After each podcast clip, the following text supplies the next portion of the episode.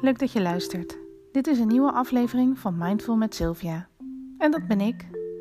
In deze podcast deel ik dingen die ik tegenkom die te maken hebben met mindfulness en goed voor jezelf zorgen.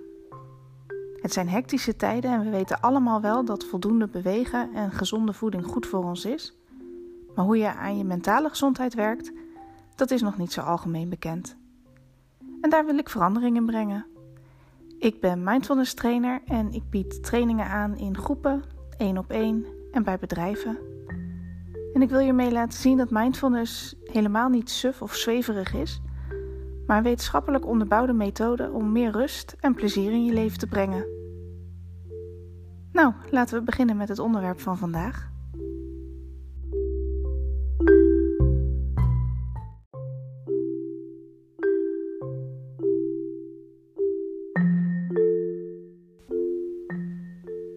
Dat is aandacht. Waar denk jij aan als het om mindfulness gaat? De kans is groot dat je net als vele andere mensen het beeld van mediterende Tibetaanse monniken voor je ziet, of een vrouw in lotushouding op het strand bij een ondergaande zon. Of dat mindful zijn hetzelfde is als lekker zen of relaxed zijn. Misschien denk je aan Boeddha-beelden, een paar opgestapelde stenen, of dat mindfulness iets spiritueels is. Nou, je bent daarin niet de enige. Ondanks al het wetenschappelijke onderzoek dat er al gedaan is naar de effecten van mindfulness, kampt het nog steeds met een groot imagoprobleem.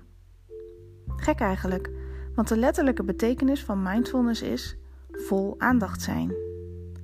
Dat je aandachtig en zonder oordeel omgaat met wat er op dit moment gebeurt en de dingen neemt zoals ze zijn. En dat als je mindful leeft, oftewel met aandacht, je bewust kiest waar je je aandacht op richt en hoe je hierop reageert. Aandacht. Een mooi onderwerp vind ik zelf. Het is de basis van alles dat je op een dag doet. Van het moment dat je ochtends wakker wordt tot aan het moment dat je s'avonds je wekker zet en alles daartussenin. Sommige dingen op de automatische piloot, zoals aankleden of je tanden poetsen, en andere dingen met wat meer aandacht. Een belangrijke presentatie op je werk of in de auto bij een moeilijke verkeerssituatie. Maar je aandacht erbij houden er echt bijhouden is heel moeilijk.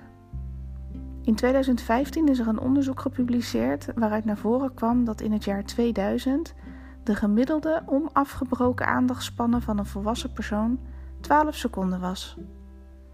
Toen kon je dus gemiddeld 12 seconden je aandacht op één iets of iemand richten voordat je aandacht verslapte. 15 jaar later, in 2015, was dit nog maar 8 seconden. Een goudvis kan dus tegenwoordig zijn aandacht langer bij iets houden dan wij, namelijk 9 seconden. Dat is bizar, toch? Sinds de komst van de smartphones en de groei van digitale mogelijkheden is onze aandacht enorm afgenomen. En deze onderzoeksresultaten waren al van 2015, hè? Dat is ondertussen ook alweer zes jaar geleden. Wie weet wat het aantal seconden nu is. Het ene moment ben je geconcentreerd ergens mee bezig en vloep, na zo'n maximaal 8 seconden ben je niet alleen meer bij dat wat je aan het doen was, maar ook bij je boodschappenlijst of bij die opmerking van je partner gisteravond, die collega die je niet moet vergeten te mailen, of dat ene dat je nog wilde opzoeken via Google. En dit is ook allemaal niet zo gek, hè? Want naast je eigen stroom aan gedachten over het verleden of over de toekomst, heb je ook nog wel eens heb je ook nog eens een stortvloed aan reclames, social media, WhatsApp-berichten en e-mails die elke dag om onze aandacht schreeuwen. Al die aandachttrekkers en dat multitasken in ons hoofd, dat put ons uit. Onze hersenen kunnen het niet meer bijbenen, met als gevolg dat je sneller moe wordt, sneller overprikkeld raakt, je je slechter kan concentreren en je snel benauwd of gestrest kan voelen. Misschien heb je wel eens gehoord van de uitdrukking Wees meer in het nu. Zo'n typische mindfulness uitspraak waar ik vaak zelf een beetje om moet lachen. Want je bent altijd al in het nu. Maar wat ze ermee bedoelen is hoe je in het nu bent. En dat is onder andere wat je leert als je aan een mindfulness training meedoet. Je leert je aandachtspier te trainen, zodat je langer je aandacht ergens bij kan houden. En dat je kunt kiezen welke dingen je op dat moment wel aandacht geeft en wat niet zodat je niet meer met honderd dingen tegelijk in je hoofd bezig hoeft te zijn. Daarnaast leer je hoe je wat meer rustmomenten in je dag kan inbrengen. En dan bedoel ik niet lekker lang uit op de bank voor de tv of een goed boek lezen of heel de avond scrollen op je telefoon of tablet. Want dan rust je lichaam wel, maar je hersenen worden nog steeds geprikkeld en krijgen dus nog steeds geen rust. Ik hoop dat ik je hiermee een beetje aan het denken heb gezet. Heb jij de touwtjes in handen als het gaat om wat je aandacht geeft? Of is het altijd druk in je hoofd en vliegen de gedachten van hot naar her?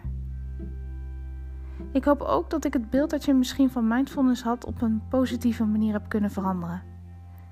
En mocht je hier nou vragen over hebben, dan hoor ik die natuurlijk graag.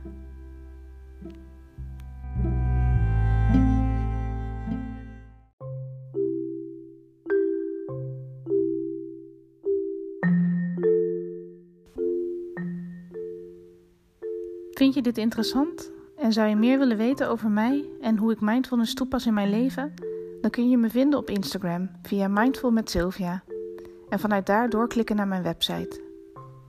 Bedankt voor het luisteren en tot de volgende keer.